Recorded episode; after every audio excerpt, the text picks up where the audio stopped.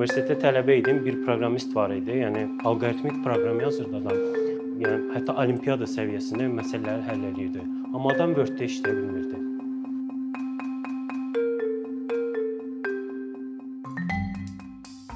Özümə də yeni bir mövzudur bu.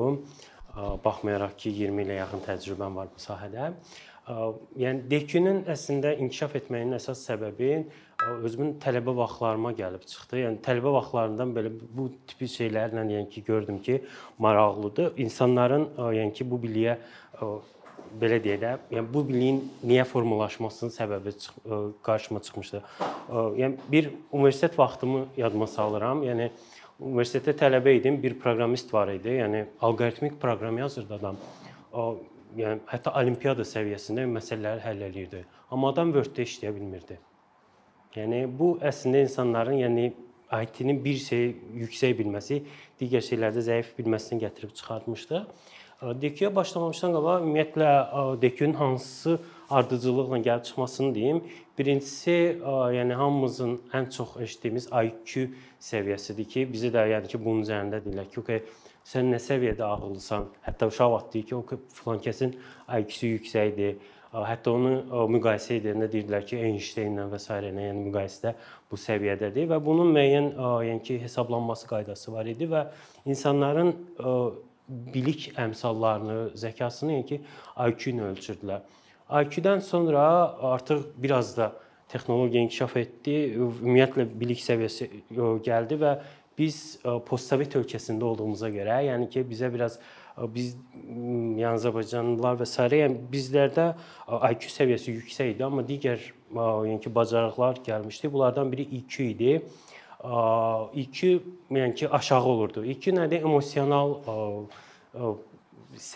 zəka gedir. Yəni ki, emosional zəkamız məsəl üçün də bizim insanları başa düşməyimiz, özümüzün yəni ki, onlarla düzgün ünsiyyət qurmamıza gətirib çıxardırdı. Bunlar da ki, yəni ki, bilmirəm, indiki gənclər daha yəni ki, o tərəfdən aktiv inkişaf edirlər, amma çox introvertlərin çoxalmasına və s. yəni gətirib çıxardırdı. Bu bunu aradan qaldırmaq üçün yəni ki, IQ testləri çıxmışdı. IQ-də ki, artıq insanların yəni ki, düzgün digərlərinin emosiyalarını başa düşməyə, emosiyaları düzgün göstərməyə gətirirdi. Buna bir nümunə deyim, bir bir nəfəri işə götürmüşdü bu yaxınlarda yəni intervyu müddəti çox uzun çəkdi. Hardasa bir 4-5 aya yaxın çəkmişdi bu insanı götürmək işə. Onda yəni yeni vakansiya açılmalı idi və bunu intervyuya keçirtməli idi. İntervyudan sonra yəni ki digər proseslər getməli idi. Adamın IQ-su super idi. Yəni müəyyən bir həmçinin də proqramlaşdırma bilikləri super idi. Biz mən IT olduğuma görə çox vaxt yəni bu sahə ilə əlaqədar кейsləri deyəcəm. Adamı biz yəni götürdü və intervyudan keçdi, gəldi, okey. İntervyu olundu və s. və HR mənə zəng gəldi ki, biz bunu uca götürmək istəyirik. Artıq növbəti mərhələyə keçsin. Mən sevinirəm ki, bu da bu bu uşaq gəldi. Bizim komandaya qoşuldusa yaxşı bir nəticə olacaq. Zəng eləmişəm, sevinə-sevinə indi bu ilə danışıram da. Səni bəs işə götürmüşük, hər şey yaxşıdır. Telefon tərəfindən cavab gəlir. Hə? Yaxşı. Okay. Yəni adamın IQ-su superdir, amma IQ səviyyəsi no aşağıdır ki, emosiyalara, yəni emosiyaya yox, sıfır reaksiya ilə cavab verir və s. Yəni bu biraz mənə üçün yəni düşkünlük yox ki, həvəsdən salır ki, ayda mən bunu işə götürəm, yəni komandaya gələcəm, müsbət bir enerji verəcəm, adamın reaksiyasının yəni aşağı olması biraz bu IQ səviyyəsində artmasına gəlir. Bu əslində digərlərimizdə bizlərdə də olur. Mən yəni ki bir Avropa ölkəsində yaşayanda bir arada orada qalmışdım bizi siz necə ayırırdılar Sovetdən, Sovet ölkəsində yaşayanlara. Soruşurdular ki, futbolu kim sevir? Hamı qaldırırdı. Kimlər sevmir? 3-4 nəfər adam qaldırırdı futbolu da biz bizlər idik. Yəni indi-indi formalaşır da Türkiyə və s. o Fənərbağçə və digər məsələn Qalatasaray zət oyunları var. Onlarda görürəm ki, artıq gənclərimiz futbola maraqlanırlar. Amma çox insanlar, yəni mən özüm məsəl üçün futbolu heç xoşlamırdım və ancaq dünya çempionatına baxıram. Yəni bu da bizim müəyyən səviyyədə, yəni o o ikimizin, yəni ki, çox da güclü olmamasına gətirib çıxardır. Öz кейsimlə də deyirəm bunu ki, yəni müəyyən bir problemlər var. DQ EQ-dən sonra SEQ var. Məsəl üçün sosial emosiyalar və s.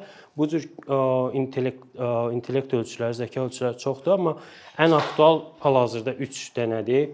IQ-dür, insanların IQ-sunun yüksək olmasıdır. Ondan sonra IQ-dür və hal-hazırda DQ var ki, bunlar da aktual, ən aktual mövzudur ki, hamımıza, yəni ki, DQ-nü düzgün bilmək və ümumiyyətlə DQ ilə düzgün, yəni ki, bu səviyyəmizin normal olmasıdır. Bu da yəni bayaq dediyim кейslərə gəlib çıxır ki, okay, siz hər hansı bir şey super bilə bilərsiniz, amma digər şeyi aşağı bilə bilərsiniz və s. Bunları necə balanslaşdırmaq, nə etmək, sizin şirkət şirkət sahibinizsə şirkətdə və ya ümumiyyətlə gənclər sizə özünüz üçün, valideyn sizə uşaqlarınız üçün və s. yəni ki, nələri etmək lazımdır. Bunlar barədə müəyyən məlumat verəcəm. Ümumiyyətlə DQ nədir? DQ insanların rəqəmsal məkanda özünü düzgün göstərməsinə gətirib çıxardır və bu 2016-cı ildə Dünya İqtisadi İqtisadi Forumunda təqdim olunmuşdur. 2019-cu ildən isə artıq rəsmi olaraq təsdiq olunub. Yəni son 1 ildir. Yəqin ki, bizim ölkədə yəni bu ilə əlaqədar 3-4 ildən sonra daha tətbiqinə və s. başlanılacaq.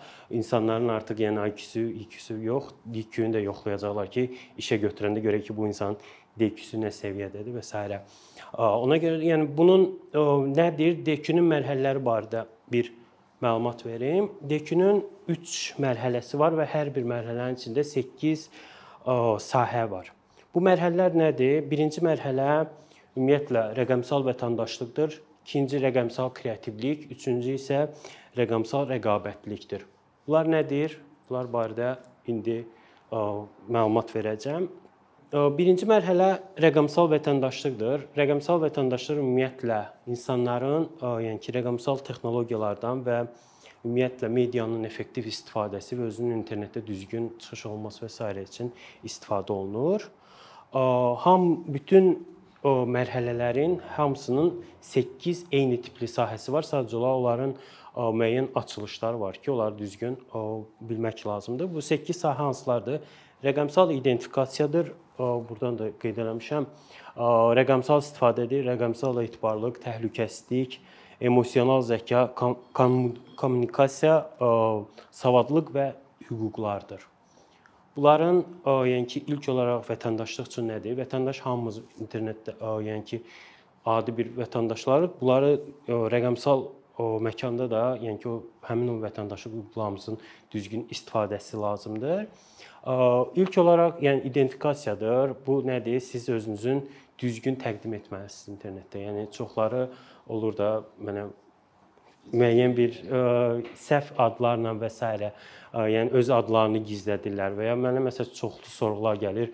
Ə, müəyyən bir aktyor şəkli ilə, yəni ki, güyan bu filan kəsdir amma başqa bir ə, yəni profil şəkillərini səhv qoymaqla və s. Bunlar nədir? Siz özünüzün ümumiyyətlə identifikasiya internetdə düzgün identifikasiya etməyinizdən başlamalısınız ki, bu mənəm, yəni özünüzü göstərməlisiniz. Növbəti ümumiyyətlə rəqəmsal istifadədir. Bu daha çox uşaqlara aiddir və həmçinin bizə də aiddir. Bu nədir? Rəqəmsal texnologiyanı balanslı istifadə etmək lazımdır. Gün ərzində, yəni günümüzün 8 saat yatmağa keçirsə, qalan 16 saatını, yəni 15 saatını rəqəmsal texnologiyalarda istifadə etmək lazım deyil. Real həyat da var.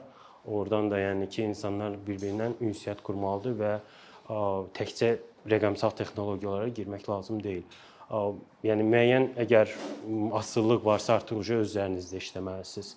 Ə, bunun кейsini özümdə deyim. Bir arada bir neçə il bundan qabaq hətta Instagramı o qədər işlədirdim ki, özümdən asılı deyildi. Açırdım telefonu ancaq heç nə şəkillərə baxırdım belə scroll eləyirdim, все gedirdi. Və heç bir yəni aktivlik yox idi. Sadəcə olaraq yəni ki, texnologiya vaxtım gedirdi. Bilirdim ki, 2 saat oturmuşam ancaq şəklə baxıram. Yatmırsan, o, yəni ki, yuxu çoxunuzda yəqin ki, o problemlər olub. Yatmırsan, yuxudan qaçırsan və s. Yəni bu balanslanmış texnologiyanı düzgün düzgün istifadə etməməyinizə gətirib çıxardır. Ona görə də bu sizin DQ-nüzə təsir edə bilər. Rəqəmsal etibarlıqdır. Bu nədir? Cyberbullying və s-nin düzgün istifadə olunmasıdır. Ümumiyyətlə yəni ki, bunların yəni artıq virtual məkanda da olmasını bilməlisiniz. Sizləri kimlərsə hədə qorxu gəlir, və ya ümumiyyətlə sizi kimsə mənəm bullying eləyir və s. bu gənclər arasında, yəni klaviaturun qarşısına gedəndə şirə dönürlər kimi bir şeydir. Hamı deyir ki, okay, yəni klaviaturan virtual məkandayam, məni heç kəs tapmayacaq və s. və istər ürək sözlərini deyirlər. Amma bunun səbəbi əslində burada footprinting harda idi? Footprintingə gələndə deyəcəm. Növbəti bir rəqəmsal təhlükəsizlik nədir? Yəni Sizin hackingdə ümumiyyətlə bilin ki, hamınızda da ola bilər. Yəni hər birimizin hesabı sına bilər. Hər birimizin müəyyən bir yəni ki, hesabları ilə əlaqədar məlumatlar oğurlana bilər. Bunların əsası sizin özünüzdən asılıdır. Yəni ki, siz birinci two factor authentication istifadə etməyi düzgün bacarmalısınız. Yəni təkcə hesab yox, o hesabı müəyyən bir telefon nömrəsinə və s. və ya digər bir yəni ki, bağlılıq eləməlisiniz. Parolunuzu 1 2 3 4 5 6 və s. kimi parollar qoymamalısınız. Bütün bunlar sizin təhlükəsizliyinizə gətirib çıxardır. Rəqəmsal emosional zəka nədir? Yəni bu əslində cyberbullyingə də gəlib çıxır. Sizin özünüzün ümumiyyətlə, yəni ki, fikrinizi ifadə etmək, digərlərini, yəni ki, yazdığınız postun digərlərinə nə, nə tipli psixoloji təsir edəcəyinizi düşünün ki, bunun da nəticəsi yəni hesabları pis ola bilər ki, ola bilər o da sizə hesaba qayıtsın və bu virtual məkanda olan yəni ki, mübahisəniz real həyatda bir hər hansı bir çaxnaşmaya və s. yəni gətirib çıxarda bilər. Rəqəmsal kommunikasiya məsələləri burada əslində digital footprinting managementdir. Bu nədir?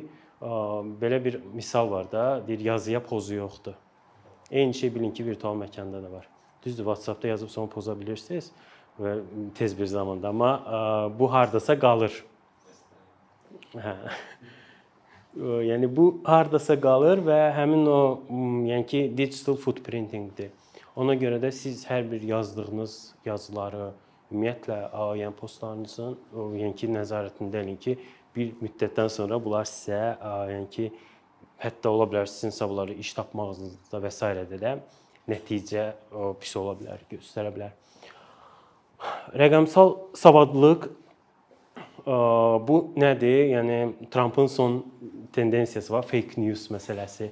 Yəqin görsə həmişə çalışır ki, fake news-a qarşı mübarizə aparır. Yəni bu nədir? Siz hər hansı bir xəbəri oxuyanda onun əsaslarını araşdırın ki, okay, bəlkə ola bilər ki, hə, o məşhur bir saytda xəbərdir, amma o saytı kimsə götürüb sındırıb o yalançı fake xəbər qoyub ora və ya da jurnalist məsəl üçün insider girib o xəbər qoyub. Ona görə də yəni sizin rəqəmsal savadlılığınız o məlumatın əsasının və ya doğru olduğunun tapılmasına gətirib çıxartmalıdır ki, bunları hamımız üzərində işləməliyik. Və bir də ki, hüquqlarınız ümumiyyətlə bilin ki, sizin paylaşdığınız hər hansı bir şəkillər və s. bunlar privacy ilə də digital rights-dir, yəni privacy management. Sizin yazdığınız şəkillər və s. ümumiyyətlə paylaşdığınız məlumatlar baxmayaraq ki, siz məsəl üçün də sosial şəbəkələrdə paylaşırsınızsa və onu deyirsinizsə yalnız dostlarım görsün, bu bilin ki, hər hansı bir saytdır. Məsələn, Facebookda. Sabları onun hüquqları dəyişə bilər. O sizin dostlarım, dostlarımın dostları dediyiniz biraz da aşağı, yəni ki, digər permiş hüquqlara gedə bilər. Dostumun dostunun dostu da görə bilər və s. bu məlumatların Yəni siz paylaşanda, ümumiyyətlə şəkil çəkəndə və ya hər hansı bir gizli məlumat yazanda digər insana və s. məlumatı yazdısa, qayıdın təzədən baxın ki, digital footprinting kimi bu internetdə qalır. Müəyyən vaxtdan sonra ola bilər digər bir bəd fikrinin əlinə keçsin. Sizin privacyniz düzgün, toys hüquqlarınız pozulsun, təhlükəsizlik məsəl üçün məsələlərlə və o internetə yayılsın.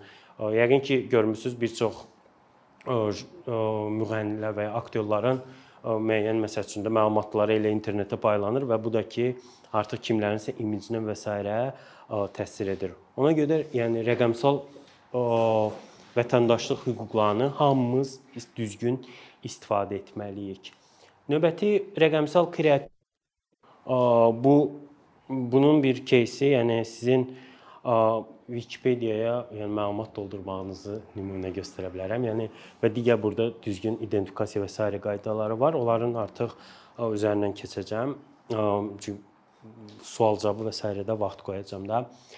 Bu yəni rəqəmsal kreativlik hər biriniz ümumiyyətlə internetin istifadəçilərisiz hamımız, yəni artıq rəqəmsal bir məkanda yaşayırıq. Artıq rəqəmsal məkanı daha çox istifadə edirik. Ona görə də siz çalışın ki, yəni özünüz də müəyyən bir məlumat internetə töhfə edəsiniz. Wikipediyanı düzgün istifadə edin. Hər hansı bir resurslarda məlumatları paylaşanda, yəni artıq bu rəqəmsal məkanı yəni ki, doldurun ki, çünki bilirsiniz ki, yəni Wikipedia nümunə göstərim. Yəni hətta sosial ə, şəbəkələrdə də nə isə paylaşanda ə, biraz digər insanlara da yəni bu tipli kontentin inkişafına ə, töhfə verin. Əvvəllər məsələn ensiklopediyalar və s. inkişaf edirdirsə, yəni ki, bir şey axtarırdıqsa, əgər ensiklopediyadan axtarırdıqsa, indi artıq yəni internet erasındayıq. Heç bir kitab açmağa və s.yə ehtiyac yoxdur. Hər bir şeyi internetdən tapırıq. Bilin ki, o internetdə də həmin o məlumatlar kimlərsə doldurub. Və sizin tapdığınız məlumat azdırsa və siz orada yazılan məlumatdan çox bilirsinizsə, siz onun davamçısı kimi ola bilərsiniz. Yəni mən özüm elə rəqəmsal zəka haqqında araşdıranda gördüm ki, Wikipedia-da yoxdur. Və onu da əlavə eləmişdim xırda bir şey. Və rəqəmsal rəqabətlilik nədir? və hər birində 8 sahəsinin sadəcə xırdalığına getmirəm. Rəqəmsal rəqabətli ümumiyyətlə, yəni sizin hal-hazırda müəyyən həllər var. Bunlara nümunə bilirsə, ATM-lər çıxanda 70-ci illərdə idi. ATM-lər çıxmamışdan qabaq insanlar pulu necə alırdı? Banka gedirdilər və ya kassaya gedirdilər, böyük höcərət olurdu, insanla ünsiyyətdə olurdular və bu ünsiyyət vaxtı, yəni ki, müəyyən bir yəni məbləğ alırdılar. Banka ATM-lər çıxanda hamısı ona qarşı gəldi ki, okey də ATM-lər var və bu yəni ki, bu cür yəni buna ehtiyac olmayacaq. Bu problemlər yaşanacaq burada. Amma ATM-lərin hal-hazırda yəni ki, bizim müəyyən bir pulu əldə etməyimiz üçün ən rahat vasitədir. Və eyni cür indi digər texnologiyalar da gəlir. Mobil çıxanda, internet çıxanda və s. yəni ki, bu digər şeylərin, yəni ki, işlərin azalmasına və s məlumatların, yəni ki, digər rəqabət gətirən şeylərin yəni ki, azalmasına gətirib çıxardır, amma bu tipli texnologiyanın inkişafı əslində rəqəmsal rəqabətliliyə gətirib çıxardır. Buna həmçində yəni ki, bizim kommunikasiya əlaqələrimiz göstərmək olar ki, əvvəllər əgər biz dünyanın o başında olan bir adamı tapmaq istəyirdiksə və ya ona mesaj göndərmək istəyirdiksə, nə edirdilər? Eramızdan əvvəl poçt göyərçini ilə göndərirdilər. Sonra 160 simvolluq SMS-lər oldu. Ondan sonra artıq yəni ki, biraz da inkişaf etdi. müəyyən chatlar və s. oldu. IRC sistemlər və s. gəldi. Sonra messengerlər gəldi, Skype, MSN Messenger və s. gəldi və hal-hazırda WhatsApp, Telegram, mənəm Signal və digər şeylər var. Kimlərdə yoxdur məsələn, çoxumuz istifadə edirik onu. Və bu əslində yəni ki, rəqəmsal rəqabətlilikdir və bir yeni texnologiya çıxırsa, digər texnologiyalar köhnəlir və bu köhnələn texnologiyanın yeni yenisi ilə inkişaf etməsi əslində bizim rəqəmsal yəni ki, bu məkana inteqrasiyamız gedir. Ona görə də yəni siz rəqəmsal rəqabətliyin bir hissəsi olmağınız üçün müəyyən bir məhsullar və s. çıxartmalısınız. Bu ümumiyyətlə bu 3 3 mövzu barədə dedim ki, bunları siz bilməlisiniz və təqdimatımın əslində sonunda DQ haqqında qısa digər məlumatları deyim. DQ Day hal-hazırda yəni ki, noyabrın 10-u artıq 1 illiyi kimi olacaq. IEEE IEEE DQ Day yaratdı. Bu hər il oktyabrın 10-u kimi qeyd olunmağa başlamalıdır. Yəni ki, elə bir təklif verilib və həmçində DQ Every Child mövzusu qoyulub. Bilirsiniz ki, yəni biz ən azı cyberbullying və s. qarşı ola bilərik, amma bizim yəni ki, uşaqlar o, o tərəfdən yəni ki, biraz zəifdilər və həm ona görə də yəni ki, bir hərəkat yaradılıb DQ Every Child 8 yaşından yuxarı uşaqlar üçün nəzərdə tutulub. Bu da eyni cür bunun məqsədi nədir? Rəqəmsal vətəndaşlığın uşaqlara uşaqlara yəni ki öyrədilməsi, uşaqların oyun əlaqədar məlumatlandırılmasıdır. Yəni uşaq kimlərsə olur, bəlkə aramızda olanlar da var. Yəni ki, e-mail açır, e-maildə adı, soyadı yox, adı, soyadı və ya il doğum tarixi qeyd eləyirlər. Və ya məsəl üçün hər hansı bir sevdiyi aktyorun və ya ə, müəyyən bir personajın adını qoyurlar. Bunlar da əslində yəni ki, həmin o rəqəmsal vətəndaşlığın istifadəsidir ki, düz- siz onları düzgün etməlisiniz hə- və uşaqlara da onu öyrətməlis öyrədilməlidir. Ki, Everchild'ın digər sahəsi STEM var. Eşitmisiniz yəqin STEM barədə. Science, technology, engineering and mathematics, yəni elm, texnologiya, mühəndislik və riyaziyyatın yəni birləşməsidir. Uşaqları ona hazırlaşdılar ki, robot düzəltsin və s.